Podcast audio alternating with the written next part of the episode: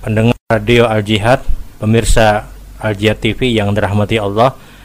Kembali pada kesempatan hari ini insya Allah kita akan menjawab pertanyaan yang sudah dihadirkan. Assalamualaikum warahmatullahi wabarakatuh. Waalaikumsalam warahmatullahi wabarakatuh. Bagaimana ketika kita mendengar berita kematian dari seorang yang non muslim, bolehkah kita mengucapkan kalimat innalillah? Boleh hukumnya. Kita ucapkan kalimat innalillah boleh untuk apa? Untuk menyadarkan diri kita kita semua kembali kepada Allah. Buk innalillah itu bukan doa. Bukan mendoakan orang tersebut tidak. Tapi kita mengingatkan untuk diri kita innalillah kita semua milik Allah. Wa inna ilaihi rajiun kita semua akan kembali kepada Allah. Jadi ketika ada orang kafir dia meninggal dunia tetangga atau siapa kemudian kita ucapkan innalillah apakah boleh? boleh tapi asal jangan didoakan. Innalillah mudahan sini dapat ampunan. Nah, ini dilarang sudah.